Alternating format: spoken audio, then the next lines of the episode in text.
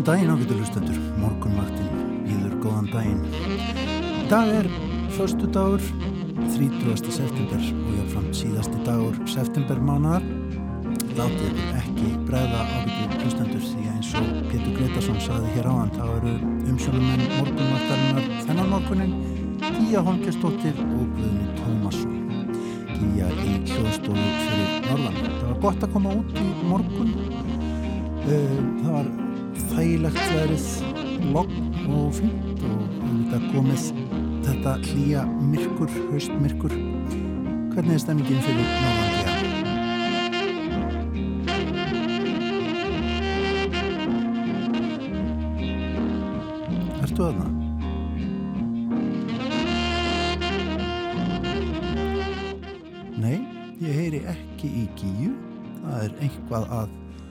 Bresta hjá okkur tengingi norður þannig að ég held bara áfram og við finnum út úr því þegar að þar að kemur.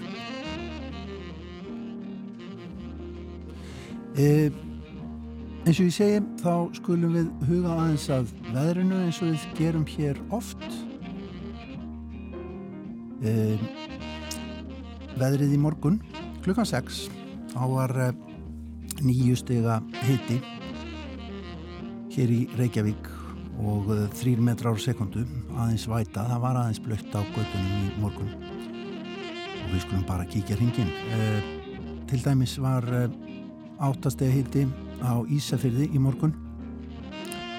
Og eh, þar var norð austanátt og smá væta líka. Í á Akureyri. Þar voru sjöstig þar sem að Gíja sittur hef ég eftir veðustofu og uh, léttar yfir á Húsavík í morgun kl. 6 líka sjöstega hitti og hægur vindur fyrir uh, norðan. Nema kannski helst á Rauvarhöfn þar sem að voru 15, 15 metrar á sekundu út á Annesínu þar. Á Skeltingstöðum voru 7 gráður. Og um, og ef við förum suður fyrir jökla, suður fyrir vatnajökul þá voru þar 8 gráður á kirkjubæðaklaustri til dæmis. 6 metrar á sekundu úr austri. Já sem sagt róli heita veður víðast hvar á landinu. En eh, við skulum líka huga því hvað veðustofan segir um spána þennan morgunin þar segir á VF veðustofunar að eh, í dag verði næsta sólarringin horfurnar einhvern veginn svona austlag átt 5-13 metrar á sekundu, regning með köplum en norðaustan 13-18 norðvestan til með morninum og stittur upp suðvestan lands. Það bætir í vind og úrkomu í kvöld fyrir norðan og austan, hiti 6-13 á deginum hlýjast sunnan heiða. Norðaustlag 8 10-15 metrar á sekundu á morgun og regning með köplum engum fyrir norðan og austan en hægar í sunnan til. Dregur úr vindi þegar líður á daginn og hýtti yfirleitt 6 til 11 stík. Sem sagt þá um, virðist svo vera að við eigum ágætis veður í vændum í dag yfir landinu á þessum haustdegi síðasta degi september mánadar En uh, við ætlum að huga ímsu á morgunvattinni þennan morgunin. Við gerum eins og við höfum stundum gert hér, eða stundum hefur verið gert í þessum þætti undanfarið. Við ætlum að taka þingmanntali, kynast þingmanni til okkar kemur Gísli Raffn Ólafsson sem er þingmaður Pírata. Og svo er hér fastulegur á föstudögum ferðaspjall og ferðamálaspjall við Kristján Sigurjónsson, rittstjóra túrista Við ræðum við hann um ýmislegt sem að við kemur ferðamennskunni víða um heim.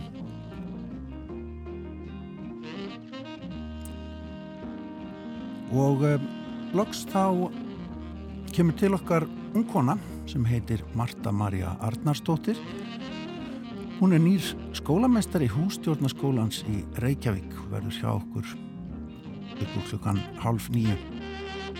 Það er að ræða við hana hvernig hefur gengið að fóta sig í því starfi sem er jú forveitnilegt finnst manni.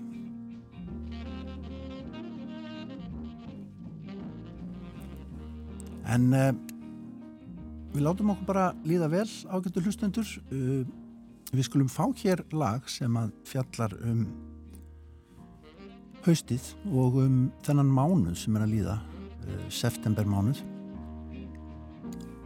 Það er lag úr söngleik, kemur uppaflegu söngleik og er eftir Kurt Weil við texta Maxwell Andersson.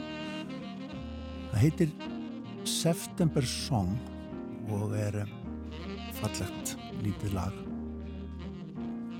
sem að margir hafa spreytt sig á í gegnum tíðina þetta er lag sem að hendar til dæmis jazz-söngurum ágætlega og uh, skulum bara heyra það. Uh, September Song þetta er svona til þess að hvaðja September mánuð og hér er það maðurannamni Brian Ferry sem að syngur. But it's a long, long while from May to December, and the days grow short. When you reach September, and the autumn weather turns the leaves to flame, and I haven't got time for the way for the days dwindle down to a precious few. September,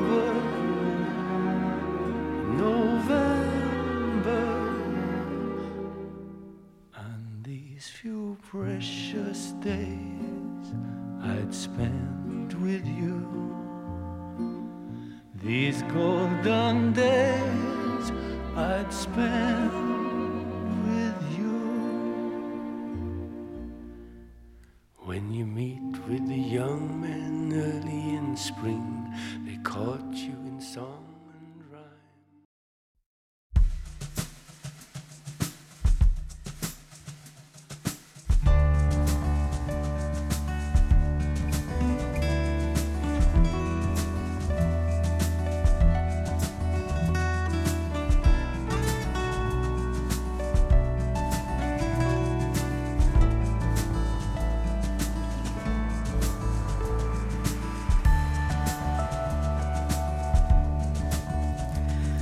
Morgunvaktin heilsar og býður góðan dag. Í dag er förstu dagurinn 30. september. Já, við sittum hér í efstalæti og eh, norðan heiða umsjónum en morgunvaktarnar þennan daginn, Guðni Tómasson og Gíja Holmgerstóttir. Og eh, eins og kom fram hér áðan þá ætlum við að huga að ymsu í þætti dagsins eins og venjulega til okkar kemur eh, Þingmaður, eitt stykki þingmaður af Alþingi Íslendinga við ræðum ferðamál við Kristján Sigurjónsson eins og við gerum svo oft hér á höstu dögum í þessum ágæta þætti og Já, og loks kemur til okkar Marta Maria Arnarsdóttir Já. nýr skólamestari hústjórnarskólans í Reykjavík Hún er kortnung, er það ekki? Hún er kortnung uh, Já, skilst hún sér 25 ára Já Það er nú ansi hvort nú, er það ekki? Jú, ég myndi segja það með svona skólastýrur almennt og skólastjóra, ekki satt? Já, mm. og við ætlum nú að, að forvittnast eh, hvernig hefur gengið að fóta sig í nýju starfi og svona um stjárnsemi hústjórnaskólans almennt en hún Marta Marja, hún verður hérna hjá okkur upp úr klukkan hálf nýju. Já, en við vorum að velta fyrir okkur veðrinu áðan, hvernig svona var upplifunin að koma út fyrir norðan í morgun gíja? Þegar ég fór út rétt, eh, já svona að verða sex þá var blöytt hér á Akureyri og það er ennþá það er þungbúið hér fyrir norðan. En uh, veður horfirnar á landinu, það er austlæg 8, 5-13 metrar á sekundu, rigning með köplum, norðaustan 13 til 18, norðvestan til með morgninum, stýttur upp suðvestanlands. Það er nú blöytt svona yfir landið. Einmitt, mann sýnist það, allstaðar sé einhver, sé einhver væta. Það er ekki þurka tíð núna en það væri það nú eitthvað skrítið kannski. En það oktober Já, á morgun. Mánaðaskipti hjá okkur og um, það er ágætt að kannski líta aðeins yfir það sem að um, er svona efst á baui í samfélaginu. Uh, ég var nú bara að fá í hendurnar blöðin sem sagt morgunblæðið og fréttablæðið og það er ofta allt skemmtilegt að bera saman aðal myndir bladana, uh, þar eru mjög ólíkar þennan morgunin og það er eiginlega fullkomlega sikk, tvær veraldir í gangi á, á þessum stóru myndum sem eru svona burðarmyndirnar á fossiðum bladana í dag. Uh, á fréttablaðs á fréttablaðinu þennan morgunin er stór mynd af vopnum þessum vopnum sem að koma fram í, í fréttaflutningi í gær út af út af uh, þessum upplýsingafundi lauriklunar sem að haldin var í gærum þetta enginlega vopnamál sem að er að þróast og hefur verið að þróast í fréttum síðust dag og þarna eru þessi greipir líka frammi á borðum vopn og skotfæri uh, og svona þessi harka sem að enginni þetta og þessi ljótlegi sem að maður hatarjú uh, en er einhvern veginn svo allt umkring og út um allt í fréttum að maður getur ekki leittan hjá sér? Það er að segja að við horfum svona víti við sviðið og til útlanda. E, þetta er algjörlega ólík e, mynd eða sem sagt allt öðruvísi mynd en svo sem að prýðir morgunblæði þennan morgunin það er allt mikið meiri léttleiki yfir henni gleði og e, ja, stemning vil ég segja því að í gær var haldinn með pomp og prakt í háskóla bíói í gærkvöldi. Opnunar viðbörður bleiku slöyfunar sem er þetta átak krabbamennsfélagsins að hausti og það var bleik stemming í andiri háskóla bíós þar sem að fyrstu bleiku slöyfunar fóru af stað um, þetta árið.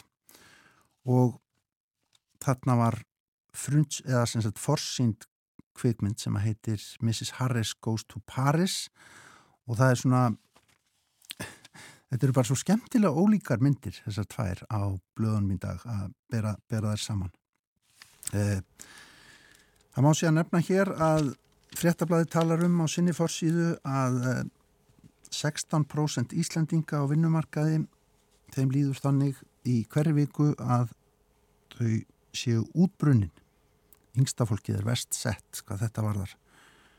Og uh, segjast til dæmis 34% kvenna tilfinningarlega úrvinda í hverju viku.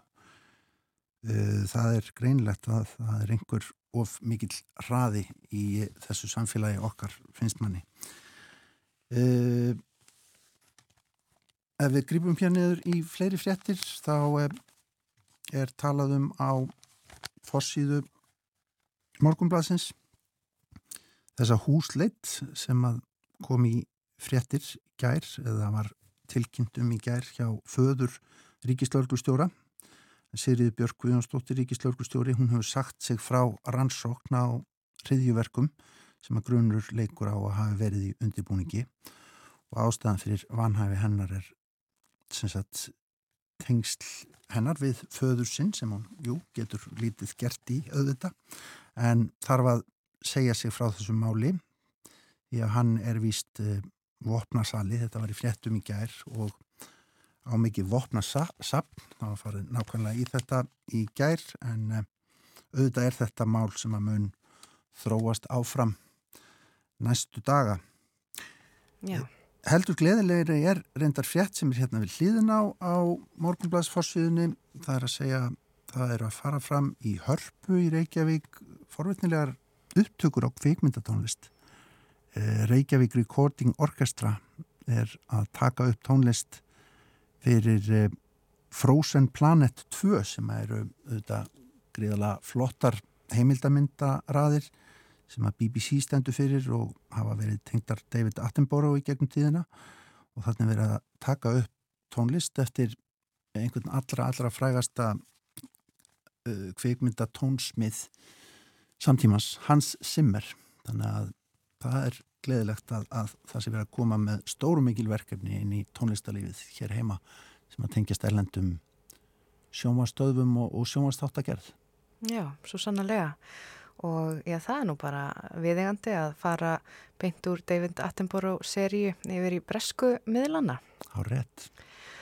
Og ef við skemum hér yfir eh, já, þá bresku þá eru efnihagsmálinn auðvitað, já, málmáluna. Liz Truss, eh, hún fannst varla í gær en, en er fundinn og, og uh, breyttri efnahastefnu hefur verið tekið ítla, pundið snarfallið og vargildi ríkisbrefa sömu leiðis En Liströss, hún segist ekkert ætla að breyta um stefnu og á forsiðu Guardian er fjallað um að hún og fjármálaráþarann, Kvasi Kvarteng, muni eiga ja, neyðarfundi með ýmsum aðilum í þeirri vonum að róa markaði.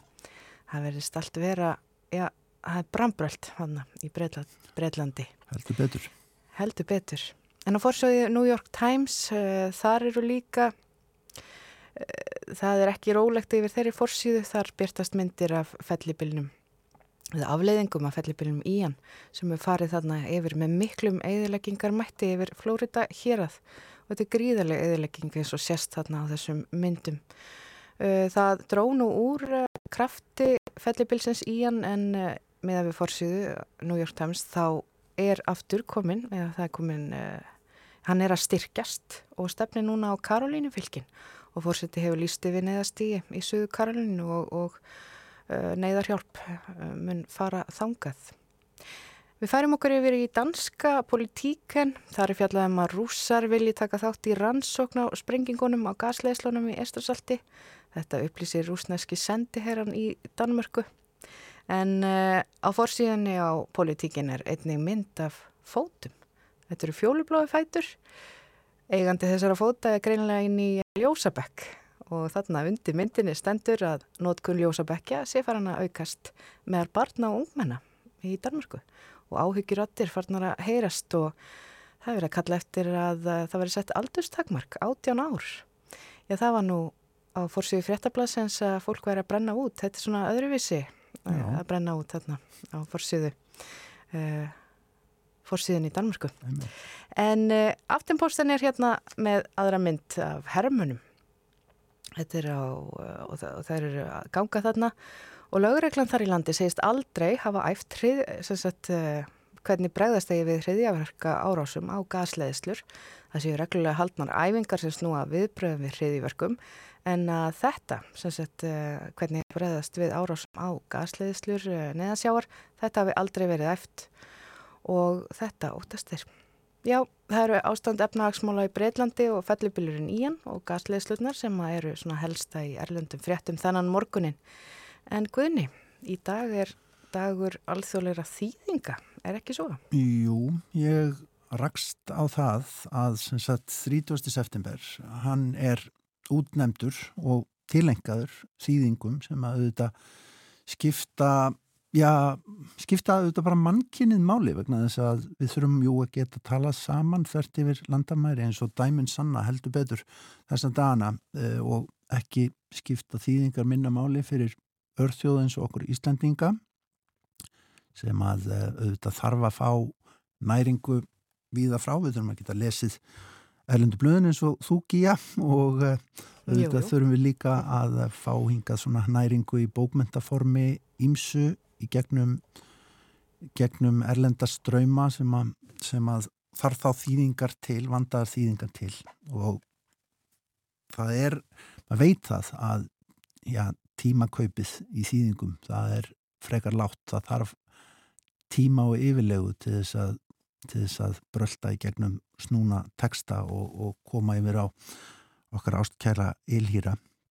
Eh, Ég leik mér aðeins í gær við að finna svona eitthvað frækt brot úr, úr hérna bókmyndunum til þess að leika fyrir hlustendur á upprunna tungumálunu og svo á íslensku.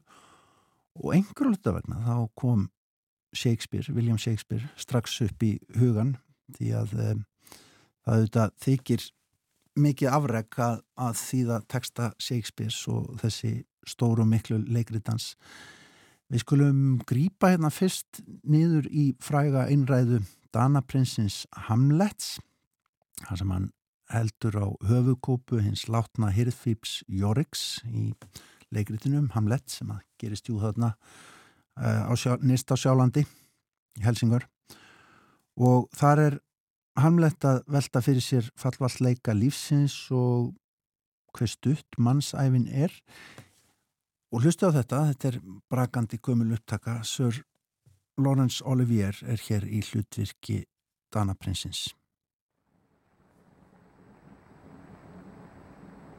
Alas, poor Yorick. I knew him, Horatio. A fellow of infinite jest, of most excellent fancy.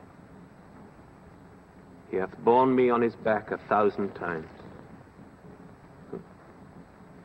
And now, how abhorred in my imagination it is, my gorge rises it. Here hung those lips that I have kissed I know not how oft.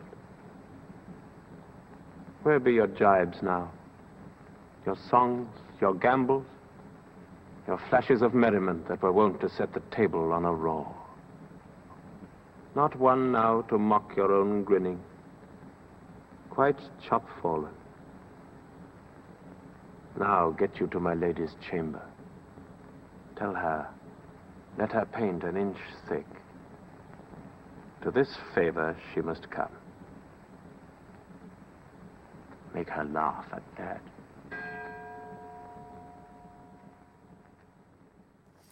Já, svona hljómaði Sir Lawrence Olivier að uh, tólka Hamlet í uh, fræri kvikmynd frá árinu 1948 svartkvítri kvikmynd. Þannig búið að grafa sem sagt þennan Jórik hirðfýblið eða er verið að grafa yfir hann held ég en, en höfukúpan liggur þarna.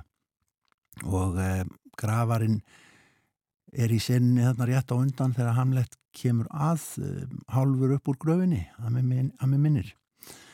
En þarna er rætt um hver skömm mannsæfin er og í safni Ríkisútasins er líka að finna íslenska útgáfu af þessari stuttu einræðu. Þetta er upptaka sem er bara ári yngri en kvikmyndin. Við skulum heyra hana.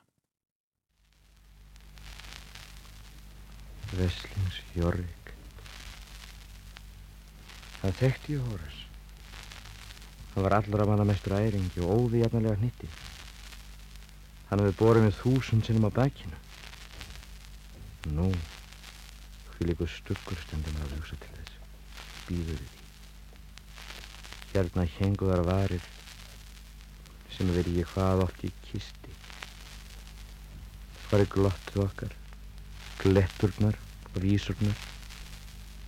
Eða ykkar eldfíma fyndnistundur sem vakti skellið þáttrana kringum borðið. Nú, nú. Enga glettu um þetta eigir náglott. Búin að missa alveg að vera munni. Gakk inn til hennar fagru frúar og segja henni þetta. Að þótt hún byrjuð þumlungsþýgt fríðlegsmisl á kynna sér, þá fá hún þessa fegurðina að lokum. Er til að hlæja þér.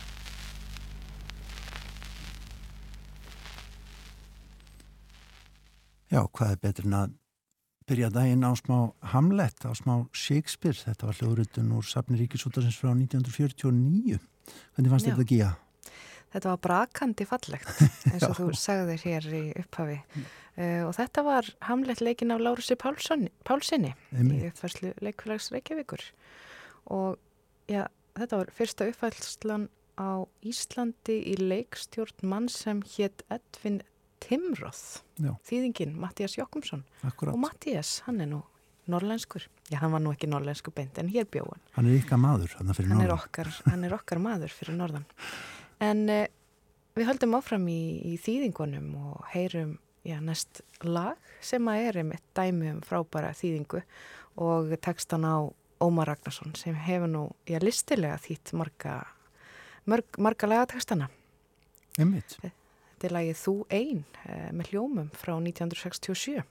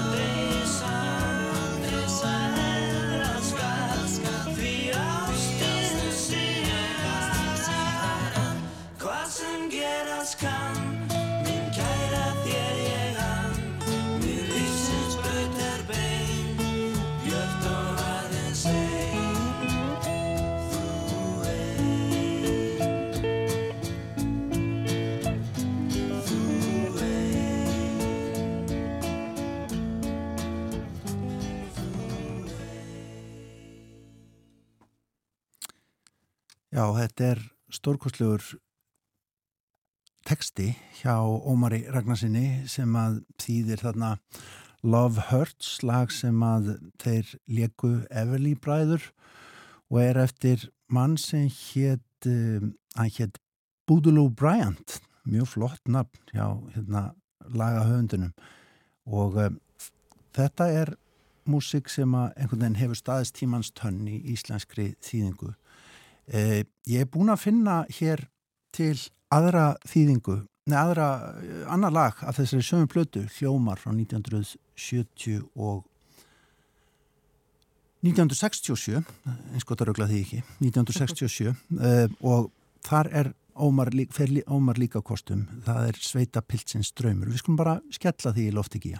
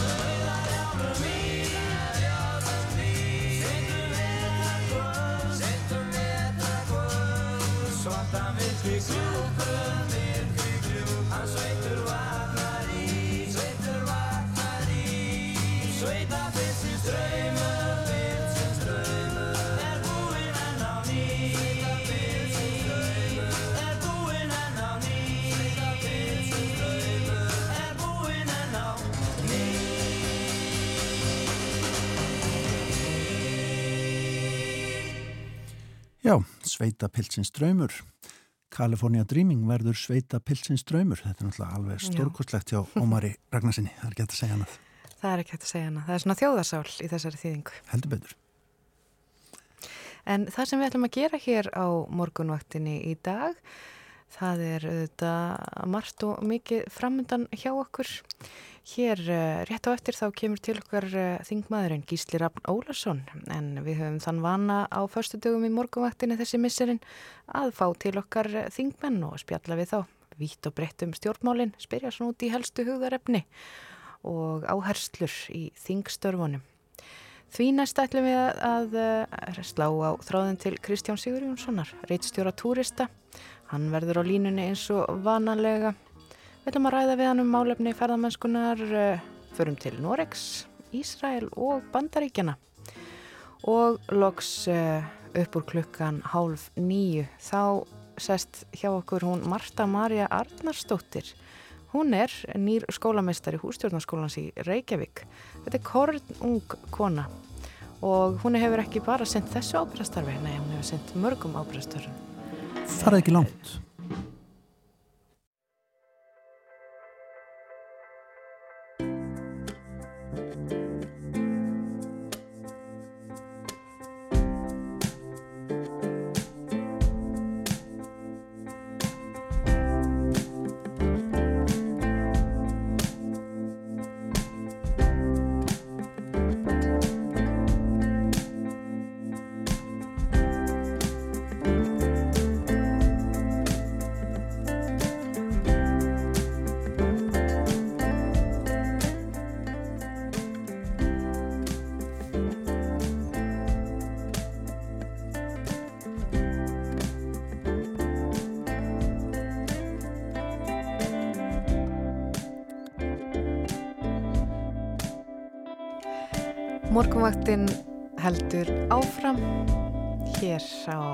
Á rásætt þennan förstudags morgun.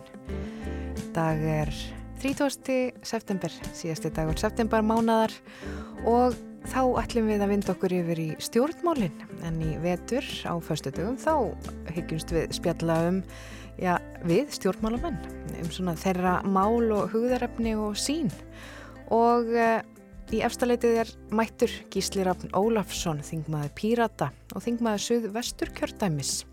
Verður velkomin Gísli. Takk kærlega. Já, glæsilegt, þarna heyrum við vel í þér. Uh, Gísli, áðurum við svona förum að ræða almennt um uh, já, hvað þú stendur í, í, í pólitíkinni, þá er verðt að já, spjalla aðeins um uh, þá atbyrði sem eru að gerast akkurat núna. Þú situr einmitt í utanríkismála nefnd og skulum byrja á að ræða um þessa leka og gasleislunum í Eistrasalti og svona viðbröðum við þeim málum. Já, uh, þetta er svo sannarlega alvarlegir atbyrðir og hérna má segja að þetta sé svona stigmögnun á, á þeim átökum sem við höfum verið að sjá uh, en það er erfitt að átt að sjá því nákvæmlega hver, hver ástæðunar eru þó þetta sé náttúrulega þannig að þetta lítur, lítur út fyrir að, að vera eitthvað skonar, hvað maður segja, svona skilaboð frá, uh, frá Rúslandi en, en ekki samt hægt að fullir það neitt um það. Nei, það er erfitt að vita hvað gerist á hafsbótni. Nákvæmlega, það er mjög erfitt og, en kannski sem betur fer voru þessar leyslur ekki alveg sagt, í gangi heldur, heldur voru bara með gasi sem var eh, sagt, í þeim þannig að það er svona kannski minna umhverfislýs heldur en hefði geta orðið Þetta hefði bara streymt þarna endalust Nákvæmlega, við höfum nú séð hvað gerist til dæmis þegar að það gerist þegar oljuborpallar til dæmis hafa, hafa lekið eins og gerist í, í Mexikóflóa fyrir, fyrir einhverjum hvað áratöku eða svo. Já. En Gísli, nú, já, hernaður á hafsbótni, það var hann að fjalla um það í norskum miðlum í dag að, að e, normenn hafa aldrei eft sig fyrir svona hriðjuverk e, til Íslands liggja ótal sæstrengir erum við, já, mjög óvarin fyrir e, svona árósum, almennt. Já, ég held að svona almennt séður menna átt að segja því að, að óknirnar eru miklu fjölbreyttari heldur en bara einhverju vígvellir í það sem skotið eru bissum og fallbissum. þetta er miklu meira sem hægt er að gera, til dæmis það er áðast á eins og sæstrengina eða nettengingar almennt að, að það getur bara lamað samfélagið. Og við sjáum nú bara hvað við erum orðin í rauninni háð öllum þessum tengingum við útland, tengingum við internetið, við erum orðin mjög svona stafræn þjóð, ef við nýtum stafrænar hérna, þjónustur mjög mikið og bara tökum hérna dæmi, við notum allorðið heimabankan okkar í símanum í stað þess að mæta í útibúið. Hvað ef við gætum ekki gert það? Og það er svona það sem við hefum átt ákur á. Og ógnirnar eru miklu fjölbreyttari og já, ég meina, sæstrengirnir liggja náttúrulega um hafið og það er þannilega að séð hægt að taka þá í sundurinn, það er líka hægt að bara með netarás að taka taka allt neðsamband við útlund út í rauninni. Mm. Gísli, ég flettiðir upp hérna á VF alþingis og, og svona, þar fær maður bíóðið eitt, maður sér að þú hefur aðeins látið varða tölvu upplýsingamál og, og öryggismál starfaði í, í samhengi björgunarsveitana og þar fram til göttunum.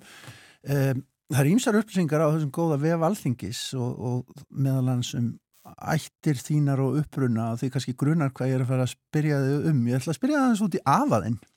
Þú ert hérna svonarsvonur Einars Olgerssonar sem var nú aldeilis karakteri í, á 20. öldinni í íslenskri pólitík. Kommunista leittói mikill?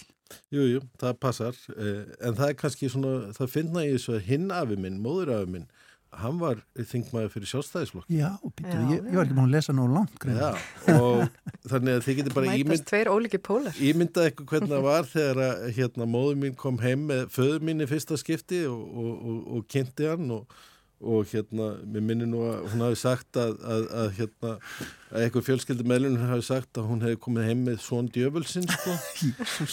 en uh, þetta hérna síndi nú sér bara að, að það að blanda saman svona úr sitt konum enda litrósins að það, það bara gerir ágætt að hluti Hér sýttu þú Það lá, lá beinast við kannski að þú færir í, í, í viðreist ekki blands Já, eitthvað staðar var ég að fara og ég er endar mm. skoðaði mér vel um þegar ég var að fara ákveða það að fara í politík mm. og, og hérna Og þá endaði ég í, í Píratum að því að mér fannst það svona liggja næst tí sem að mína skoðanir og það sem ég er best fyrir er. Hvað var það sem þú fannst þar?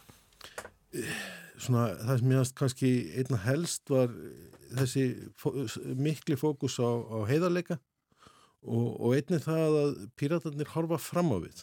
Mér finnst allt og mikið af pólitíkin í dag er um hvernig við plástrum uh, fortíðina. Mm -hmm bara tökum sem dæmi vorum umræður um, um, um hérna afurðastöðar eh, kjötiðnaðarins í gær og það var veist, enneitt plástur núna kerfi sem er 40 ára gamalt í staðis að hugsa fram á við, hugsa í lausnum, hugsa í nýsköpun, eh, ekki vera eh, först í þessu formi sem við erum í, sem er allt, allt og mikið af.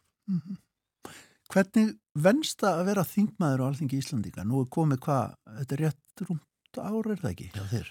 Jú, Eh, það er bara venst ákveðlega. Þetta var enda svolítið sérstakt fyrsta, hérna, fyrsta þingið eh, á kjörtíðanbylinu. Það var stutt í báða enda, annars vegar á haustið vegna þess að það tók langan tíma að finna út af því hvort ég væri þingmaður eða ekki þingmaður. Vegna, vegna hérna... Eh, vegna talningarinn í borgarnesi.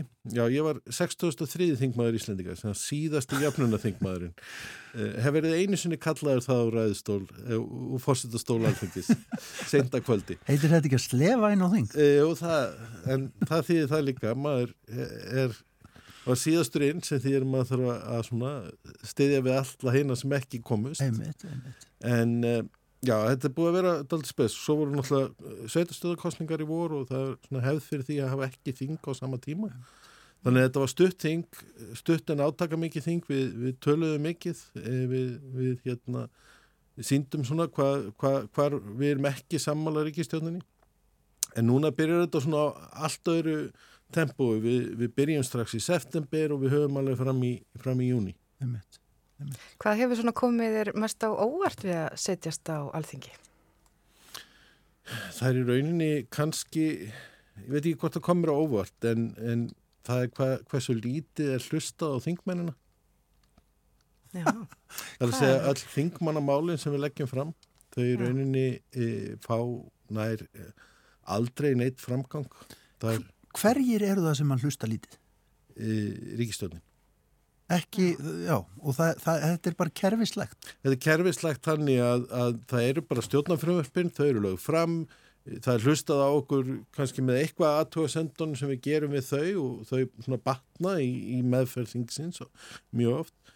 En e, til dæmis, ef þú leggur fram þingmannamál, e, þá er það bara nokkur veginn þannig að, að í þingloka samningum á hverju ári að þá fá flokkarnir svona cirka bát eitt mál í gegn og þeir þurfu að velja úr öllum þeim málum sem að, að þeir voru með, þá hver og eitt flokku velur eitt mál sem má fara í umræður inn í sall. Það er ekki þannig að þau, það mál verði samþygt Já, já. og við sáum það í voru að flestu málunum var bara vísað til ríkistjónar. Hvernig er tilfinningin að vera að undirbúa mál og vinna og vinna og vinna og skrifa upp og, og, og ganga frá? Og auðvitað er það meira þetta mál að skoða alla hlýðar á flók, flóknu þingmáli í eigin nafni, Mm. vitandi það að ekkit verður úr því. Maður veit að þetta skapar umræðu. Og það er það sem er það mikilvæg og maður sér það líka að sumt af því sem að þingmenn hafa verið að leggja fram að það tekur smá tíma, umræðan breytist í, og þróast og þroskast í bæði samfélaginu og inn á þingi og kannski nokkrum árum setna e, þá kemur jafnvel sama tillega frá ríkstundinni Já. og, og hérna e, það, það er sem sagt svona, maður getur sagt að það, það skiptir máli í dag hvaðan góðar hugmyndir koma Mhm. virðist vera og leiðar eru komnar ríkistöndamegin þá er það allt í einu í lægi að samþykja er en sama tillaga ári áður frá eh, ekkurum þingmanni nei, það var ekki það var ekki að hægt að lusla En þetta er aldrei forvitilegt vegna sem maður veit að það er rítun textan sem að kemur að lokum frá stjórnvöldum, frá ríkistjórninni, hvort sem að það eru þingsálíktanir eða, eða lagatekstar. Hún fer auðvitað fram annar staðar, hún fer fram inn í ráðanitunum hjá sérfræðingum þar. Eh, heldur þú að uh, sem sagt, þeir sem starfa inn í ráðanitunum hafa þennan starfa að, að reyta þetta allt saman upp og, og liggja yfir því auðvitað í lengri tíma áður en að kemur inn í þingið. Heldur að þeir sé að skoða hinnar ímsu tillögur er máli varða sem hafa ekki farið fram í, í, og í gegnum þingið frá ykkur þingmannum Já, ég, ég trúi því nú að, að það sé verið að skoða þær tillögur sem hafa komið fram. Eh, líka náttúrulega hvert þingmál að, að sem að er lagt fram að þá eh, er það sendt út til umsagna frá hennum ímsu umsagnar aðlum og, og hérna þessir umsagnar aðlar komi góðar ábendingar líka. Eh, oft hvernig megi betur gera og það er nýtt líka inn í, í þingmálagerð en Við, það má líka geta þess að við höfum, það er þannig að þingflokkarnir hafa starfsfólk því var breytt á síðasta kjörtíðan bleið mér rétt að það var auki við sem sagt, starfsfólkið sem að þingflokkarnir hafa. Og þar höfum við mjög gott fólk sem er að hjálpa okkur þingmennunum sem kannski kunnum ekki að skrifa lagateksta mjög vel. Eh, að við erum með fólk sem er að hjálpa okkur í að taka þær hugmyndi sem við höfum, taka þá það sem við erum að horfa á og, og setja það niður í frumvörp eða þingsáleiktanir sem að hljóma mjög vel og, og eru löglega réttar. Já, á punkt og nákvæmlega. En Gísli, ef við bökkum nú aðeins og, og ræðum þig svona meira persónulega, þú talaður um og þú hefði skoðað þig vandlega um svona, skoða flokkana vandlega áður nú valdir að, að, uh, að fara með pýrutum í frambúð, en, en hvað var það svona sem að dróði að stjórnmálunum þig til þess að ákveða að, að bjóða þig fram? Já, eh, góð spurning. Ég hérna, það hefur náttúrulega alltaf verið þannig ég hef fylst með stjórnmálmáli frá því að ég var un, ungu krakki. Það var náttúrulega mikið talað um stjórnmál á heimilinu þegar ég var, þegar ég var ungur eins og gefur kannski skilja. Eh, ég var búin að vera mjög mikið ellendis undanfarna tvo áratí vinna, eh, mikið við hjálpastarf eh, og hjálpastarf tæk, tengt tækni, tækninni, ég svona blandaði saman þessum tveimur pólum.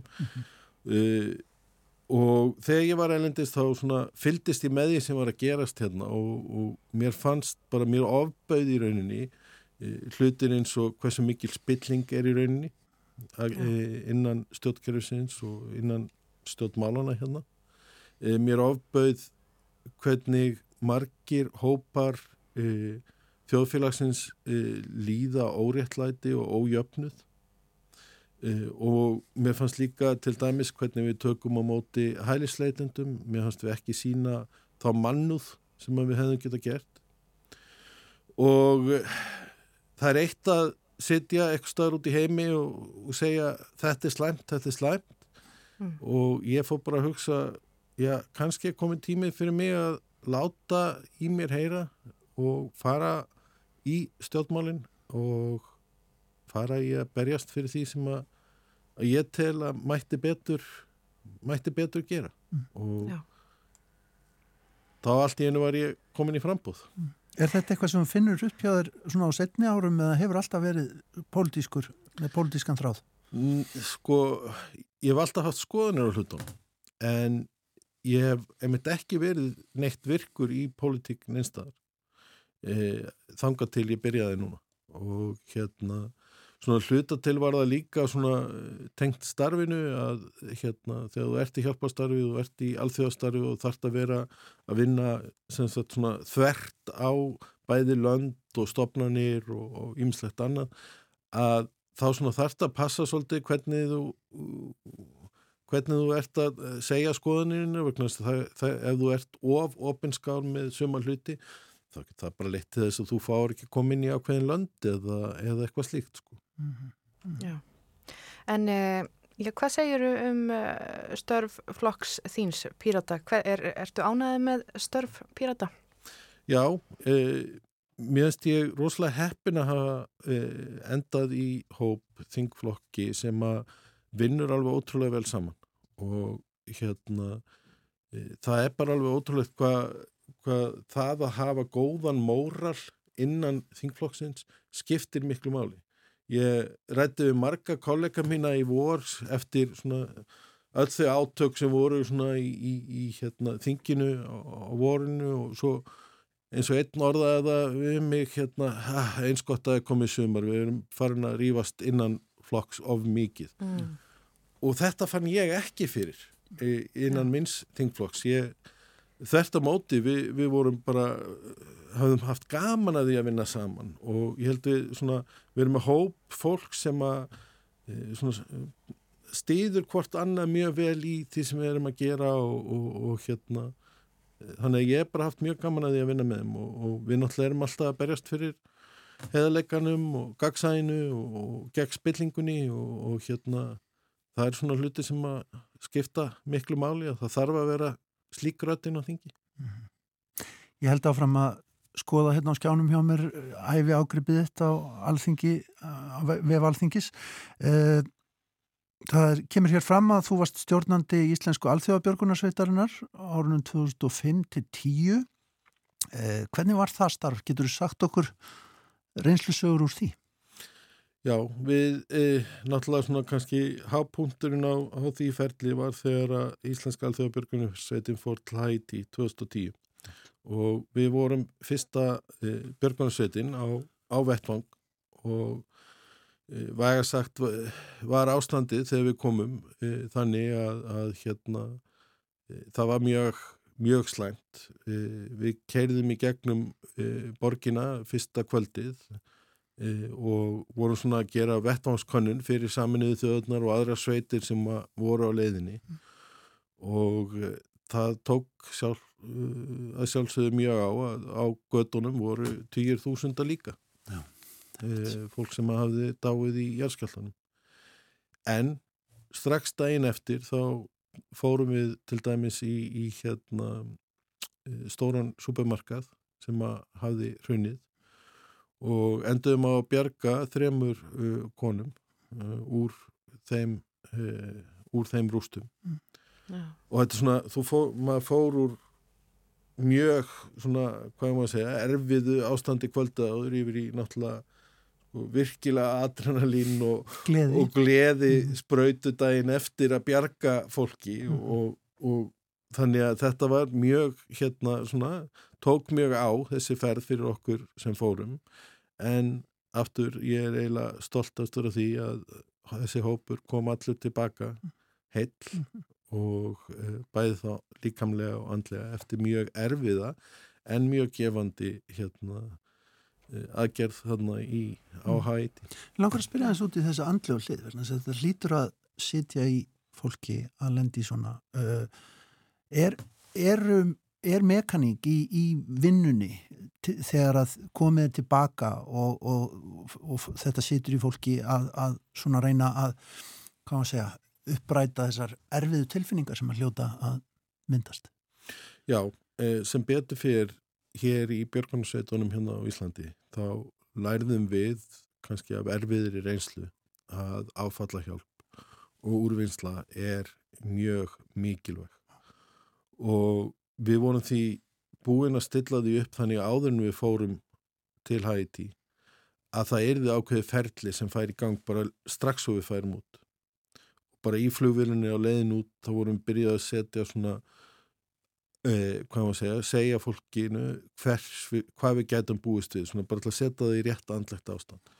Úti þegar við erum þar alltaf við úrvinnslu fundi á hverju, hverjum degi, mords og kvölds leðinni heim, stoppað á einum stað og leðinni til að taka svona viðrunar funda eins og það er kallað og svo eftir að við komum heim þá fóru allir í ferli að tala við sálfræðing og annað til þess að tryggja það að það væri verið að vinna úr þessu Mm. og það er bara hlutur sem við höfum lært hér heima eh, Mm. en alls, er alls ekki almennt eh, endilega út um allan heim þannig. Já, þannig að samtal og, og svona að líta tilbaka og læra af reynslunni, þetta skiptir þig greinilega eh, miklu máli, eitthvað sem að þú sér síðan ekki eh, í störfum þingsins. Sko, ég segi... Þannig að spurningin er í rauninni, hvað hva, hva gæti þingi gert til þess að laga það gerist, þetta sem að, það að þú gerist, greinir þar? Já, það gerist náttúrulega heilmikið á þinginu annað heldur en þingmálin Er það ekki? og það er á göngum þingsins, það er í kaffistofunni og annar staðar, það sem að við ræðum málin og þar fær maður oft hlutina til þess að reyfast e, tala við ráþarina tala við aðra þingmenn og bara reynlega fá, fá hlutina til þess að, já, bara reyfast áfram í rétta átt og það er kannski það mikilvægast og og ef maður gerði það ekki þá, ef það væri ekki að gerast þá kannski liði manni verð með, með árangurinn en það er fullt af hlutum sem við náðum að, að fá í gegn með því bara einfallega að ræða það maður á mann. Já, svona óformlegu spjalli. Nákvæmlega. Hvernig líst þér á veturinn framöndan? Bara vel, það er fullt af eh, mikilvæga málum sem að eru að koma fram og fullt af náttúrulega hlutum sem á eftir að vera mikið rættum eins og Íslandsbankaskíslu og fleira eh, en ég held að það sé góð randi í þinginu núna og við erum tilbúin að, ræða fullt af málum og fara fram á við, ekki horfa á mikið tilbaka. Er gaman að sitja á nefndafundum? Það er mísjönd. það getur alveg verið þannig að, að hérna, þú ert að hlusta eitthvað sem þú ert alveg bara, já, ok, þetta er alveg nýtt fyrir mér. E, yfir í það að það sé bara hress skoðanaskipti og, og annað. E, en minnst það er samt þannig að í nefndunum gerist mjög mikið. Já. Þar er það sem við ræðum hlutina Eh, við til dæmis, ég seti í atvinnuvega nefnd og þar rættum við fullt af hlutum í fyrra sem að voru kannski ekki sammála um í upphafi en undir lokin voru búin að ná fram hennum gulla með alveg Mm -hmm. Sko, hvað gerur í dag? Ertu að fara á þing? Já, ég er að fara nýra á þing. Er þingfundur kannski? Nei, það er ekki þingfundur í dag Nei. en eh, ég er að fara nýra á þing eh, vinnaðins í, í nokkrum málum.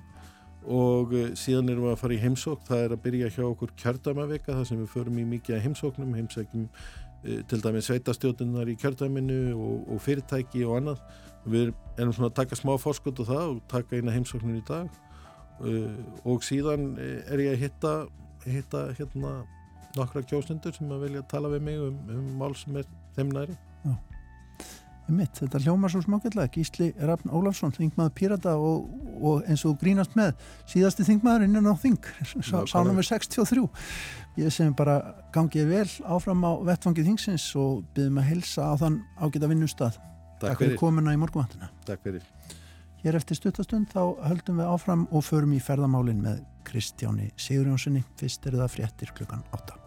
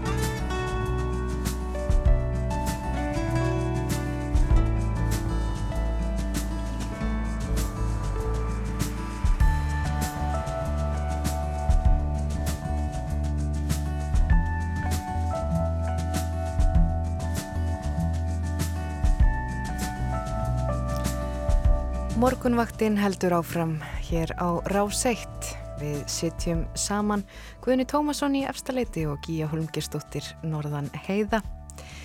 Við höfum fengið til okkar hann Gísla Rappn Ólafsson, þingmann Pírata hér áðan. En það er svona fastur liður hjá okkur núna á förstu dögum að ræða við uh, alþengismenn um svona hvaða, hverjar þeirra áherslur séu í politíkinni. Og hér á eftir þá fáum við til okkar hana Mörtu Marju Arnarsdóttur, nýjan skólamestara í hústjórnarskóla Reykjavíkur. En uh, núna ætlum við að, uh, já, það eru ferðamálinn. Guðinni, er ekki eitthvað komin á línuna hjá okkur? Jú, ég vona það, annars er ég aðeins búin að vera stríða hlustendum með ýmsum hljóðum hér við útsendingarstjórnina þennan morgunin.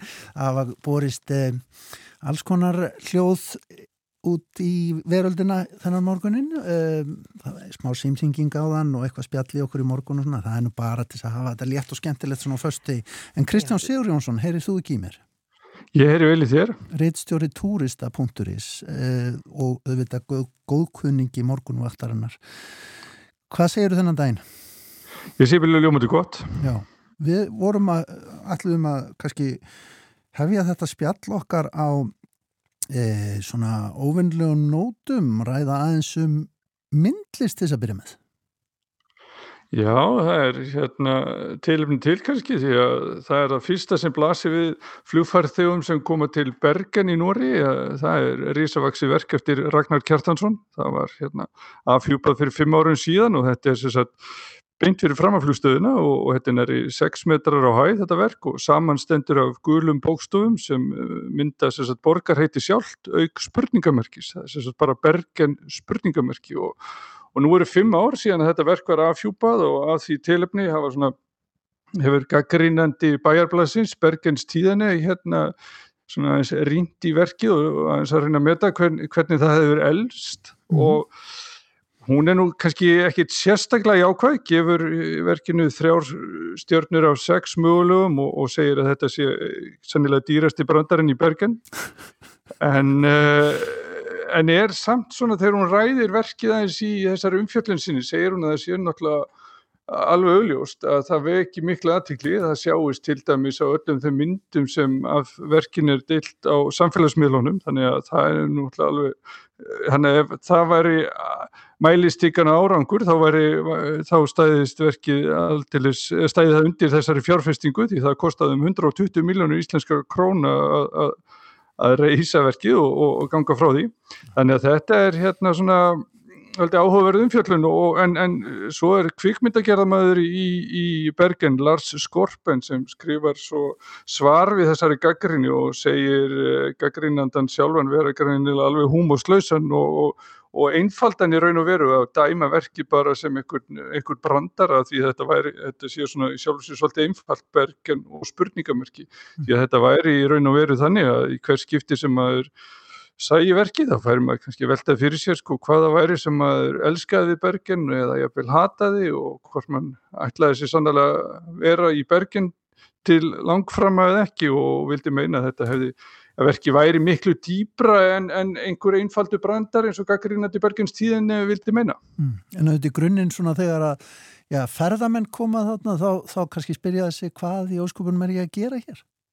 Já, já, og þetta er, og þetta er ég hef ekki setjað með berum augum en af myndum að dæma þá er þetta mjög, er þessu fallega komið fyrir þessu verki því það er óumflíjanlegt að sjá það og maður sér það í allir umfjölluna fólk sér það, þetta er fyrsta sem hún sér þegar það kemur út á út úr flugstöðinu og það sést líka e, farþegar sem er inn í húsinu sjálfu sjá það líka, þannig að þetta er hérna mjög skemmtilegt og maður velti fyrir sér hvort að og ætti kannski að rifja upp hvort það voru ykkur álíka umræða um uh, verkin sem sett voru fyrir fram að leifstuð á sínum tíma, Ragbóan og, og Þóturheðrið, það kannski þeir voru kannski ekki eins stuðandi ef svo má orðið komast. Nei, einmitt. En það skipti máli fyrir staði og borgir og, og, og svona áfangastaði að eiga sér eitthvað það sem að fólk tekur jú í dag myndir og setur og netið, ekki satt?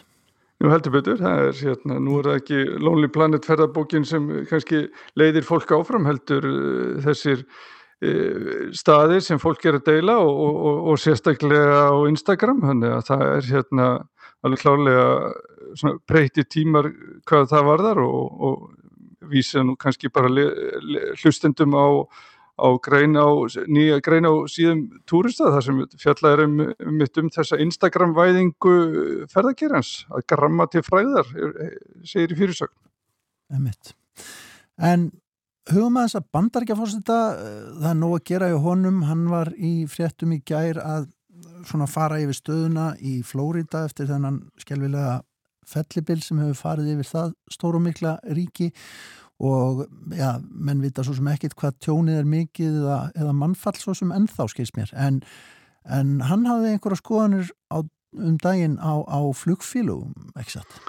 Jú, í byrjum vikunar þá hérna, bóða hann svona aukna neytenda vernd gagvart flugfélagunum, það er að segja að hann vil að verðlagning flugfélagana verði sí, gegnsærri, að fólk átti sér betur á því hvað það fær fyrir þessi auglistu fargjöld því það, svo, þetta eru löngu liðnir að það séu bara þessi svo kvölduðu lágjald að flugfélag sem að sem að hérna, bæti öllu öðru ofan á fargjöldin, þar séu þú ætlar að velja sæti eða tösk og þess aftar að þá þarfst að borga aukarlega fyrir það. Nú eru eiginlega flest flugfélag búin að taka upp þennan síð og, og hérna og nú er bandarækjafórstið meina að þetta séu orðin uh, já, svolítið erfitt fyrir neytendur að segja á því hvað þeir eru raun að vera að fá ef þeir, ef þeir kaupa það fargjald sem er auðlýst og, og og í því samingi má nú rifja upp að hjá VÁ er varðan alltaf þannig að það var lagt uh, bókunugjald ofan og hverja bókun en það bókunugjald var aldrei hluti af þessu fargjaldi sem var auðlýst þannig að það var enginn sem gætt bókað verði sem var í auðlýsingunum en, en, en bandrikjafósti vill sem sagt bæt úr þessu og hann er líka að bóða svona hertareglur varðandi þenn, þennan ég kannski ósið hjá sumu flugfélögum að, rukka foreldra aukalega fyrir sæti við hliðin á börnunum þeirra. Það er að segja að þú ert ekki alltaf örugur um, um sæti við hliðin á, á afkvæmum þínum eða ætlar að fljúa með þeim til útlanda og, og, og, og bandar ekki fórstu vill að þetta, þessu verður breytt líka og svona svona byggðila til fljófélaganum að, eh, bara breyta þessu sjálf að hann þurfi ekki að, að kynna til sögunar einhverja nýja reglur. En er ekki svona, er líklegt að þó að, að bandargefansti myndi vilja setja nýja reglur á um þetta, eh, þær myndu ekki ná náttúrulega yfir þennan stóra markað út um heimsbyðin alla, er það? Jú, það myndir svo sennilega hafa allavega einhver orðið, mm. til dæmis á Iceland Aeroplay sem eru bæðið með náttúrulega tölvert að frambóða flýði til bandaríkjana þannig að þau eru þá sennilega að taka þetta til sín líka og, og það verður svo sem áhört að fylgjast með þessari þróun en það flugfélagin eru ólíklega að fara að taka upp þetta gamla format þar að segja að vera með allt innifallið í fargjaldinu, svo tíð er bara liðin en, en, en það verður þá kannski þannig að það verður strax í byrjun á bókunarferlinu að þú sjáur strax þá hvað bætist við farmiðverðið. Þú þurfur ekki að fara í gegnum nokkur stig í bókun á, á farmiðanum áður en þú farið að vita hvað þetta borgar fyrir töskunnaðina. Einmitt, einmitt. En við ætlum líka að huga að Ísrael, það er nú ekki kannski alltaf sem við erum að ræða Ísrael við þig á hér á morgunvattinni. Nei, við gerum lítið af því en, en það er eiginlega tilöfni til núna því að, að það sýnir sér í nýjum tölum hagstofinar að eh, fjöldi Ísraelskra hótelgæst á Íslandi hefur aukist eh, gríðarlega. Eh, það var tölver kipur í fyrra þegar að tvö Ísraelsk fljófélög fór að fljúa með farþega ferðarskristofa til Íslands frá Tel Aviv og, og þessi fjölu hafa haldið þessu áfram í sumar og það hefur orðið alveg gríðalökning eh, og það sem hefur lí, líka áhugavert við þetta er að sko áður var það þannig að Ísraelar voru eh, helst að kaupa sér hótelgistingu á Suðurlandi miklu frekar enn á höfuborgarsvæðinu en núna með auknum fjölda þá hefur þetta breyst og, og nú er það er það höfuborgarsvæði sem fær til langstæðstan hluta af, af þessum markaði. Þannig að þetta hefur orðið svona mikil breyting bara með því einu að Ísraelunum hefur fjölgað svona mikið. En svo getur verið að þessi einhver hótel og höfuborgarsvæðinu sem heilla meira en áður og, og, og, og það hefur eitthvað breyst svona hvort að Ísraela sé að koma á eigin vegum eða með ferðarskristofum en þetta er allavega mikil munur og svo er áhugart að velta að rifja þið upp sko. Það var haustið 2015 sem að það varð uppi svolítið fytti í ferðarþjónustunni þegar að borgarstjórn Reykjavíkur ákvaða sniðganga Ísraelskar vörur í innköpum og, og, og þá uh, gaf einna fórsvarsmönnum Símón Vísintal stofnunarinnar þá út að, að, að gíðingar ættu að, bara sniðganga ferðarlöf til Íslands en, en það hefur, hafði ekki áhrif þá og, og hefur alveg, alls ekki áhrif í dag. Mm. Af því hún nefnir þetta að hér áður þá hafi þessir ísraelsku ferðamenn farið frekar á Suðland en til Reykjavíkur um, er þetta, eru þessi gögn niður greinanleg svona nákvæmlega eftir, eftir þjóðverðni og hvert, hver hópur fer? Já, það er hægt að sjá þetta í, í tölum hagstofunar, uh, mest með hótelgistinguna, það er verra að sjá þetta með til dæmis með gistiheimili og tjaldsvæði og þess aftar, en, en þú getur séð eftir landslutum uh, hvað þjóðir sækja í hótelgistingu þar og, og, og þetta er á sama hátt og við getum séð hvar Íslendingar gista í, í, í Danmörku, Nóri og, og Svíþjóð og víðar þannig að þetta eru svona þessar tölur en það er náttúrulega uh, ákveðna skekkjur í þeim það segir sér sjálft en, en, en þetta er allavega mjög góð vísbytting um, um svona hvernig nærjumsu þjóðir ferðast um landið mm. Hefur þú komið til Ísrael, Kristján? Nei, ég hef aldrei komið þangað og var ekki einn af þeim sem flög með váer til landsins þegar það félag hófa fljú til Ísrael já, haustið 2017 og flög allavega þann veturinn. En uh, það svo útkerð gekk held ég ekki sérstaklega vel og félagi var nú hægt þessu flugi áður en það fór á hausin en, en, en þar fór kannski það takkifæri en það hafa mörg flugfélag svona spreytt sér á flugi til Ísrael en gefist upp og meðal annars vegna þess að útgerðin er, er flókin vegna kröfu heimamanna um öryggiskeslu og þetta er því dýrt og, og stendur því ofta ekki undir uh, farmiðaverðinu. Já, maður heyrir af mikilli svona öryggismenningu þarna í, í þessu landi og skiljanlega svo. Jú, jú, mikið rétt, en þetta er allavega hérna, þannig að, að, að núna þegar heima eða flugfélög Ísraela eru sjálfa að fljúa til Íslands og þá fjölmenna uh, ferðamenn þaðan til landsins. Mm. Eitthvað fleira sem þú hefur reykist á í, í heimi ferðamennskunar síðustu daga sem að kemur upp í hugan? Það, það er nú kannski helst bara þessi svona óvisa í, heimsmálunum og, og það er náttúrulega þannig að Íslensk ferðarþjónusta byggir mjög mikið á, á breskum ferðamönnum yfir vetramánuðina og nú uh, heyrir við af því að það er náttúrulega slæmstaða í, í Breitlandi í efnaðsmálunum og, og gengi punnsins hefur ekki verið læra í, í langa langan tíma þannig að það verður dýrar fyrir breyta að ferðast til útlanda. Og stór hluti að því frambóð á flýi sem er til og frá keflaguflúilli núna á næstu mánuði er einmitt byggir á þessum preska markaði. Þannig að það er tölvert mikið undir fyrir íslenska ferðarþjónustu að hérna já, breytar eh, ferðist þrátt fyrir eh, hérna ástandið, efnarsástandið heima og svo er það spurningin út af hittunarkostnaðana, hvort að breytar sæki heitari slóðir yfir veturinn núna þegar kannski verður kaldara heima í það. Nei, það er góð spurning. Það er kallt í húsunum að þá hugsi fólk frekar söður á bóin.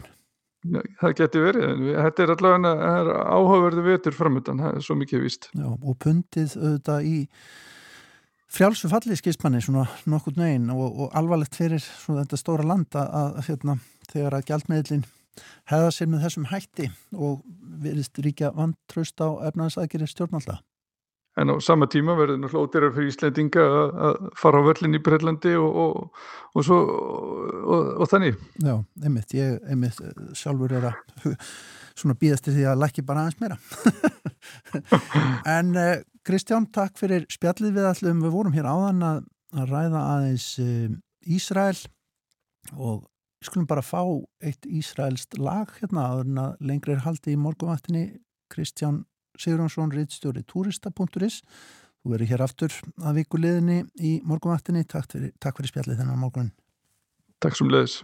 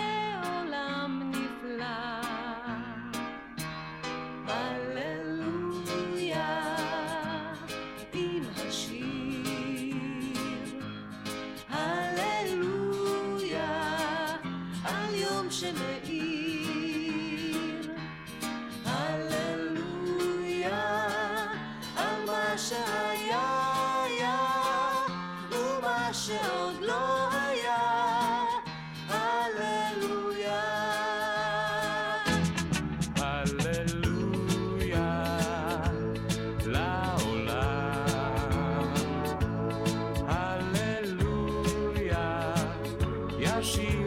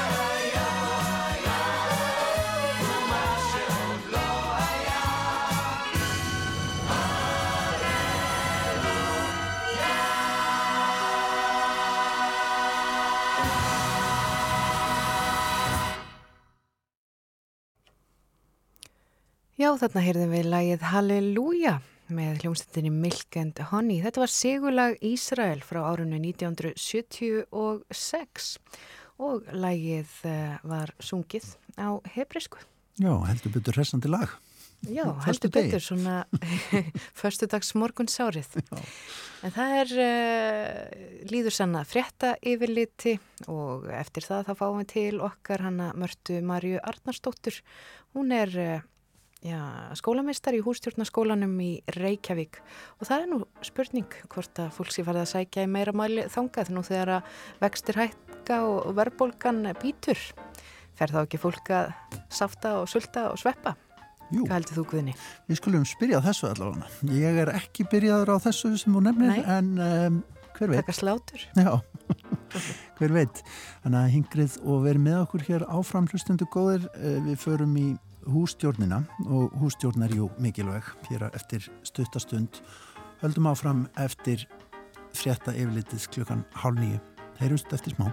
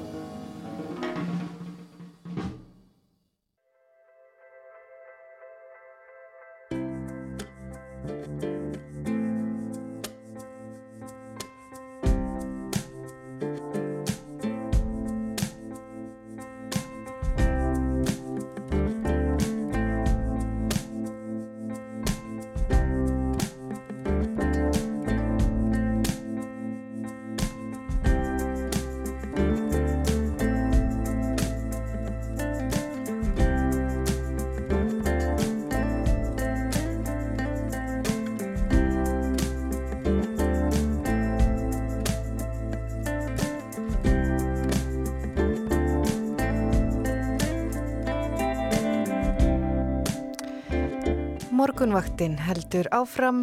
Við sitjum hér eh, Guðunni Tómasson í efstaleitinu og Gíja Holmgistóttir Norðan Heiða. Og um, en við lítum aðeins til veðurs. Það er nú ágætt að gera það núna svona já, þegar að líður á morgunin. Það er austlega átt, 5-13 metrar á sekundu. Rigning með köplum en norðaustan 13 til 18 norðvestan til með morninum og stýttur upp vestanlands. Það bætir í vind og úrkomu. Uh, í kvöld fyrir norðan og austan hiti 6-13 stiga deginu, klíjast sunnan heiða í mitt. Og uh, við höfum nú fjallað um margt og mikið hér á morgunvaktinni, fengum til okkar alþengismannin Gíslarafn Ólafsson hér uh, í morgun og, og svo höfðum við samband við hann Kristján Sigurísson hjá Túrista. En nú er komin upp í efstaleiti, það er hún Marta Maria Arnarsdóttir. Já, Er það ekki svo okkurðinni? jú. Hingað er hún komin hún Marta Maria Arnardóttir. Hún er uh, ný skólastýra í hústjórnaskólanum í Reykjavík. Hann hóf starfsemi sína árið 1942 og kallaðist á húsmæðraskólinn í Reykjavík. En 1975 þá var nafni skólans breytt og um, stefna skólans í dag er meðal annars að kenna nefndum hefðbundna matagerð sem að nýtist í daglegu lífi og að nefnendur geti nýtt sér og aukið þekkingu sína við saum, prjón, hekl, vefnað og búið til flíkur og aðra nýtsamlega hluti sér öðrum og sér og öðrum til ánægi og gleði. Og þessi nýja skólastýra, hún er sest hérna hjá mér í hljóðstofi eftirleitinu. Velkomin Marta Maria. Já, takk fyrir það. Hvernig er að taka við svona stofnun? Það er bara mjög gaman. Er, hérna, það er alltaf stofnum með mikla og gamla sögu. Þannig að ég hérna, hef alltaf búin mikið, mikla vir, virðingu fyrir þessari skólastofnun og bara mikil heiður að vera komin í þetta starf núna. Eh, saga skólans, eh, það stendur að, að það var bandaleg kvenna í Reykjavík sem að stopnaði og stendur enn að skólanum. Eh, hvað getur þú sagt mér um þetta bandaleg? Já, bandalega kvenna sem sagt sapnaði fjö úr öllum áttum til þess að kaupa húsnaði til þess að geta ásólóðlöku 12 til þess að geta hafið starfsemi hérna húsum mæðra skólans þá. Þannig að það er já, bara einu söfnuna fyrir að þekka að, að skólinn var stopnaður. Mm -hmm. Þetta er fallet hús? Já, þetta er mjög fallet hús. Þetta fallir húsum beðanis? Já, hundra á eins á skamalt mm. og, hérna, og það er nánast bara í upprunulegu horfi og við reynum að halda þið við þannig að, þannig að það sé í sinni gömlu mynd þannig að þetta er alveg mjög gaman að koma þannig inn. Mm. En þú ert nú ekki gömul, Marta Maria, 25 ára eða? Já, ég er nýjórun 26 ára. Já, ég til hann ekki. og já, þetta er nú ekki fyrsta svona stjórnunaverkefni sem þú kemur að. Við höfum nú séð því áður úr fréttum. Segð okkur aðeins, hvað gerður nú áður en að þú tókst við þessu starfi skólameistara í hústjórnarskólan? Já, ég er sem sagt er meðfram námi í háskólanum að þá starfa ég sem umsunakennari í grunnskóla. En síðasta sumar og þá fekk ég mér sumarstarf upprunnulega það átti að vera sumarstarf e, í kennari sumafrínu mínu. Maður hérna, ég með frekar að langt frí þar og ég bara vildi reyna að safna pening og gera, gera eitthvað við sumafríð mitt. Maður var náttúrulega ekki að fara til útlanda í, í COVID-19 og svona. E, þannig ég fef mér vinna á heilsugjæslinni og að hjálpa, já, var að hjálpa til þar í í sínatökurum og held að ég var kannski í resendnir á skanna í bólusendingunum í lögatarsöll eða eitthvað svona frekar einföld verkefni. En það þróast mjög fljótt og hérna fljótlega fekk ég þessa verkefnustjóra stöðu eh, upprunlega í hraðuprófunum og stýriði þeim. En svo bara, já, bæði við hraðuprófunum og PCR-prófunum á Sjölandsbyrðinni og síðan bauðs mér áframhaldandi staða síðastlegin vetur þannig að ég er búin að vera þar alveg síðastliði ár. Mm.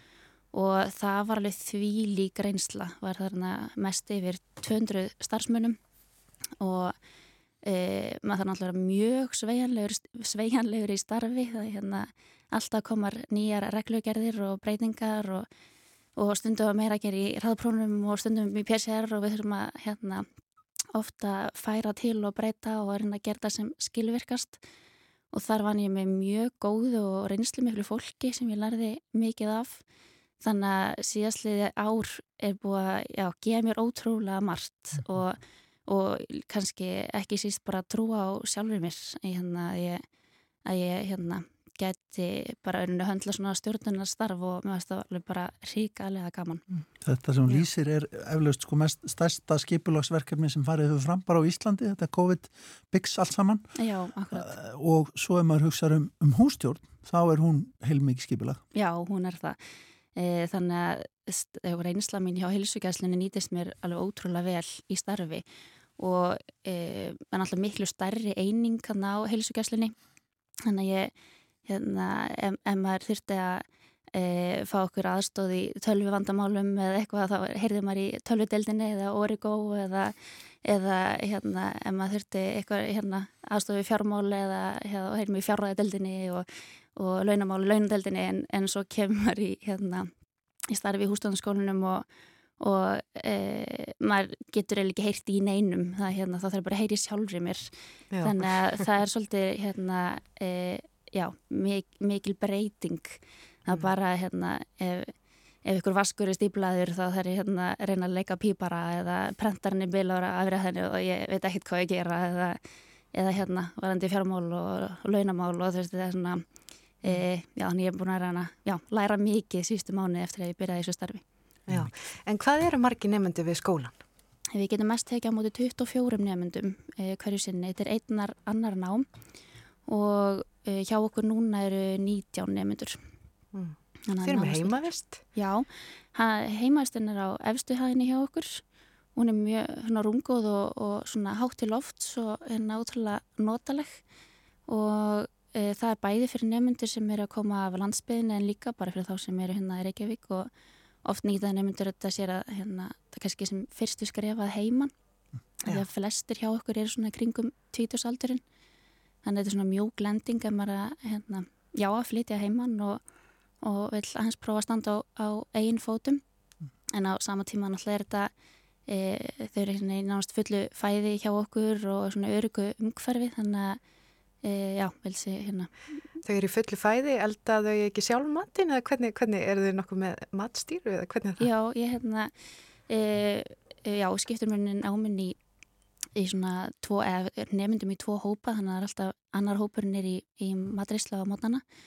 Við byrjum alltaf mótna klukkan átta og morgun verða hlaðborði og það er hérna e, og svo fer einmitt hópurinn í matrislinni að, að elda hátegismat sem er alltaf tvírétta nema á 50 þá er hann þrýrétta þá er hann sparitaður hjá okkur. Og svo líka bakað með kaffinu þannig að það er alltaf kaffitími klukkan þrjú þannig að maður er alltaf afvelta eftir, eftir, eftir vinnudaginn og skóladaginn þannig um, en hérna og svo erum við alltaf með uh, mat í fristu og ískap og hérna sem nefndur geta uh, komist í og bæði þá uh, borða afgangana frá því hérna yfir daginn á kvöldin. En svo já, alltaf með eitthvað svona smá þannig að geta nælt sér í bara frósi hakk og, og kjóklingum ringur og eitthvað svona eða vilja hérna búa sér eitthvað Já. til um helgar og svona. Eh, fyrirverandi skólastjóri skólans, hún Margrét, eh, hún hefur nú undarfæri verið gestu morguvaktarinn, nei, nei, nei, nei, mannlega þáttarinn, sérna ára á seitt. Uh, og hún hefur nú svara spurningum hlustundar svona um ímislega sem tengist heimilistrifum og slíku. Á þetta líka við um þig, er fólk mikið að leita til því núna þegar þú varst uh, í þessu nýja embetti að leita ráða til því um svona heimilishald og heimilistrif? Já, það er svolítið skemmtilegt. Það er hérna Ég fæ reglulega símtöl eh, hérna, til okkar í hússtæðanskólanum þar sem vera að leita ráða eh, bara af hverju söldan leipur ekki eða, eða hérna, já, einmitt að reyna að ná okkur um kísil eða eitthvað svona alls konar. Og maður reynar að svara þetta bestu getu en hérna, svo líka leiðbyrningarstöða heimilina svarar oft þessum spurningum líka mjög vel. Um, en þetta þar partur á náminn okkar eru, eru þrif og, og svona og bletta ráðlegningar og svo leis þannig að hérna Það eru blettirnir. Af, af því að Gíja nefnir Margreti, sko, munum við vera með þig hér í útvarpinu eftir, eftir 30 ár að segja okkur frá því hva, hvernig við höfum að bera okkur að því Já, ég, ég veit ekki hversu lengi ég verði í þessu starfi en hver veit. Já. En hvað, sko, förum að síða hvað þið eru að kenna og, og hvernig þið kennið þessi atriði. Getur aðeins svona gefa okkur smá auðsín um það? Já, við erum með, eða auk mín erum með þrjá starfandi kennara hjá okkur. Þannig að einn matrislu kennara sem sér um alla matrislu kennsluna og næringafræði kennslu. Svo erum við með eh, Katrínu, já það er hún er Guðrún er matrislu kennari. Svo er Katrín Jónsdóttir, hún er tekstilkennari og, og kennir fatasöm og útsöm. Mm og svo Edda Guðmundsdóttir hún er, eh, kennir vefnað og, og prjón og hekl hjá okkur. Ég, já, ég sjálf kenni ræstingu og hérna, þeim er svo almenni þrif og, og líka svona alls konar ráð eh, bara pressaböksur, púsaskó og, og fæsilfur og svona. Eh, og vörufræði líka Já. Nú hefur þessi, nú vitum við það að þessi vísindi sem þú nefnir þetta með þrifin, það hefur til dæmis verið mjög ábyrrandi á samfélagsmiðlum undanfarið mm og hérna ímis ráðgefin þar og sem er gefa sig út fyrir að vera samfélagsmiðlastjörnur á þessu þrifa sviði. Já. Hvað finnst þér um það? Mér finnst það bara alveg frábært eh, og það er einmitt eh, kannski besta svona aðgengi að almenningi er einmitt í gegnum samfélagsmiðla mm -hmm þannig að ég held að hafi mjög margir lært til dæmis eins og Solunni Diego og svonlega sem hérna gefis út fyrir að e, ja, sína mikið frá því hvernig, mhm. hvernig hún þrýfur og, og og, hérna, og mörg sniður ráð. Ég var að hugsa um hana. Já, já akkurat með þetta í hug. E, þannig að ég bara, er staði, ég mista bara frábært.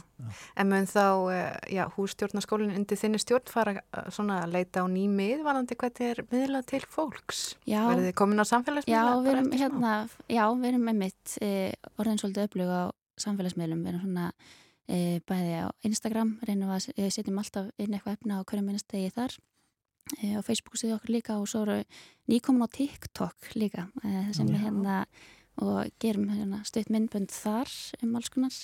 E, og það er mitt kannski helsti markhópurinn okkar eða þeir sem er að koma í námiðtul okkar eru kannski helst á TikTok og Instagram þannig að við þurfum auðvitað að vera í takt við það og, og vera á þeim miðlum til þess að ná til þessa hóps. Mm. Mm. Það er unga fólki, en, en eru ekki fleiri svona, já, eigum við guðin eitthvað sens að koma hann í skólan? Jú, það er hérna, þó svo að flesti séu svona kringum tvítugt að þá eru alltaf líka nefnendur sem eru yfir þrítugt og, og færtugt, jável, þannig að e, það er allir velkomnist til okkar. Það er enn von ef við erum að klúðra hústjórninni. Algjörlega.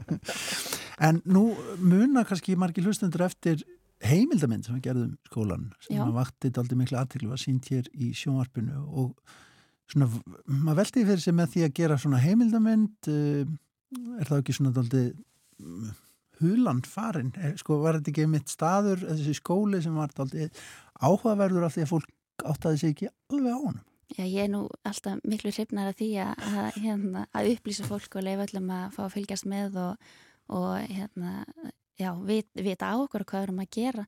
Og ég held að það sé kannski akkurat það sem, já það er akkurat það sem ég vil gera og er að reyna að gera það er að opna dyr skólans fyrir fleira fólki en bara akkurat e, þeim nefndur sem hafa verið í skólanum eða, eða þekkja svona beint til hans. Og margir halda en þannig að þetta á Ísson alltaf verið að reyka mig á það núna eftir að ég tók við þessu starfi að e, þeir margt er mikið ungu fólki sem vita ekkit e, fyrir hvað skólinn stendur mm -hmm. og halda hans í svona hrigalega gamaldags og maður sé bara hérna með eitthvað mjög skrýtnar kennslaðferðir og, og já, eitthvað svona já, bara mjög svona mikla ráng hugmyndir unni hvað við gerum e, þannig að ég held að sé mikil kostur að, hérna, að upplýsa fólk og, og sína frá hvað við erum í raun og verið að gera mm -hmm.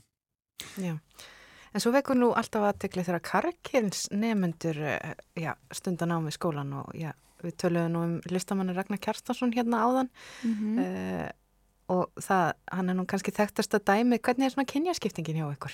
Já, Ragnar Kjartarsson var fyrsti Karkins nefnandi húsdanskólans, uh, hvað 96 held ég hann hafi verið uh, í skólanum. Um, það hallar verulega á Karlkinnið, Karl um, mm.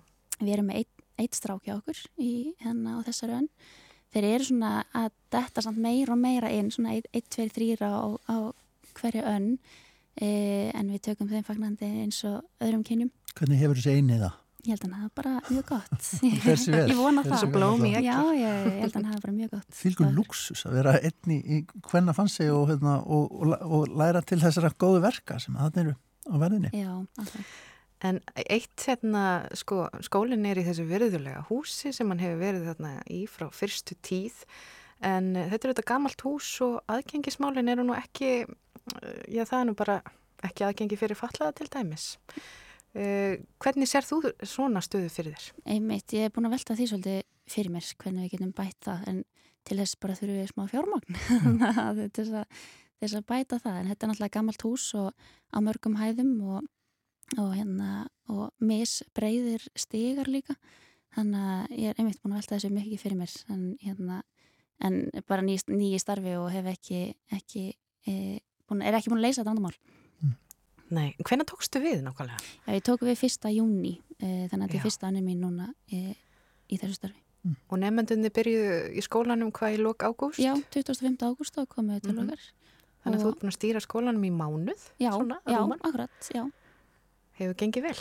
Já, það gengið bara mjög vel og með tekið ofnum örmum bæða sam kemnirum og, og nefnundum og hérna mér líði bara reykjala vel og alltaf gaman að fara í vinnuna. Og nóg að gera hérna, verkefnilistin hann, hann stýttist aldrei. Ef maður næra að krossa eitthvað út og þá bætist bara eitthvað annað á hann. E, en það er akkurat bara þannig sem ég vil e, ha, vera í vinnunni. Ég vil hafa nóg að gera og, og ringsnúast svo liti það er hérna þannig liðum best. Já En varst þú sjálf nefandi við skólan eða kemur það alveg glæni í þarna einn? Já, nei, ég var nefandi við skólan voru 2015. Ég mitt uh, gekk í, eða var í MH, uh, stúdent þaðan í desember 2014 og að þetta er mitt eittan annar náma það var sem ég tilvæglega að fara í, í hústundaskólan, þannig að vorunna áðurinn að ég færi í, í háskólan og ég átti mér aldrei, aldrei svona drauma að að ferðast eh, hérna að fara í heimsarísu eða, eða eitthvað slíkt eins og margir kannski gera eftir mentaskóla en ég átti mér alltaf að drauma að fara í hústundaskólan eh, Sýsti mín fór í hústundaskólan þegar hérna þegar ég var fimm ára og ég stemdi alltaf að hérna, fari hann eins, eins og hún gerði. Já, og horður þú þá á Margreti hérna og hugsaður þetta vil ég gera eitt daginn? E, já, sko þegar ég var, e, þegar ég var lítill þá hérna e, langaði mér annars vegar að vera kennari og hins vegar að vera skólastjóri. Um, og þannig að það svona var fjarlægur draumur alltaf. Um, ég samt hafi ekki hugsað mér að vera skólastjóri kannski já, bara 25 ára og nú 26 kannski meira 40-50 og svona í framtíðinni. E, þannig að þannig já, í stemdirinn var alltaf að þessu og, og, brenn svona fyrir e, að veri, já, vinna og starfa við mentageran mm. e, þannig að já, ég var um svona kennar í fimm ár eins og sagði áðan og, og hérna og mentaði mér í því og hérna er íslensku kennari í, í grunninn mm. og hérna, já en, en mig grunna ekki að þegar ég var hérna fyrir sjónu síðan að ég stæði hér í dag Nei, að svona gera slutinir mm -hmm. stíðinu Nú er höst, uh, allar taka slátur? Já, á höstin þá hérna, við tökum alltaf slátur í húsnarskólinum. Auðvitað. Þá fer einn ein dagur í það. Þetta er samt svolítið fyndið hérna að, að maður fær hérna, eða alltaf þessu spurningu, hvort sem ekki alltaf að taka slátur, en þetta það fer Já. bara einn dagur að nynni í það. e, hérna, þannig að við erum ekkert alltaf að gera það alla mánu. En jú, það, við gerum það. Það, það er smá fjör. Það, það er fjör. Já. Það er gaman og það er svona ákveðin stemningi því þá fyrir við Já. öll saman í eldhúsið, allur skólinn og, og, og vinnum að þessu saman. Það er skemmtlegt. Og hafa margir tekið slátur áður eða eru, eru nefnundur að prófa þetta í fyrsta skipti? Þannig að flesti sem er að prófa þetta í fyrsta skipti mm. en það er alltaf einhverju sem hérna, koma heimilum það sem mamma og pappi að með að við hafa alltaf verið að taka slátur þannig að já, það er alltaf, alltaf einhverju sem hérna e, já, kun, kunna þetta og, og eru lungnir við þessar aðferðir. Já. Hvað er framöndan hjá þér í dag? Stór spurning. E, reynir bara að standa mig vel í starfi held ég. um, ég myndi líka að halda svona e, allskyns námskeið sem eru opinn e, fleira fólki en, en að bara nefndum skólans. Þegar skólinn hefur svona emitt frekar kannski lokaður e, þannig að við erum með hérna á döfunni yfir, yfir tíu matrillunámskeið, eh, fjögur, fimm útsumsnámskeið, eh, fattalunámskeið, nokkur prjónanámskeið líka. Mm. Þannig að þetta er svona eitthvað sem, sem ég er svolítið að vinna þessa dagana. Það er að skella því neyður og, og búið til hérna, já, setja námskeiðslýsingar á heimasíðun ásleis. Þannig að þetta eru námskeið opinn almenningi. Já, já sem við Guðunni getum farið á. Já, Já ég sé ykkur á, á ykkur slíku. Það er allt til í stöðunni, en eh, ef við ekki bara segja þetta gott, takk hérlega fyrir komuna til okkar, Marta Marja Arnardóttir, ný skólastýra hjá hústjórnaskólanum í Reykjavík. Við skulum heyra að lokum hér í morgunvattinni tónlist sem að er frá árinu 1975, einmitt frá árinu þegar að nafnskólan breytist úr húsmæraskólanum yfir í hússtjórnaskólan í Reykjavík. Þetta er spilverk þjóðana sem að hér er byrjað að syngja lægið Gæfa og Gjörfuleiki og hefum við ekki bara að ljúka morgumattinni í dag með því skýja. Takk fyrir að hlusta og þakka um samfélgina og verðið sæl. Verðið sæl það gerði sér svona ég rétt eftir jól ef bara ég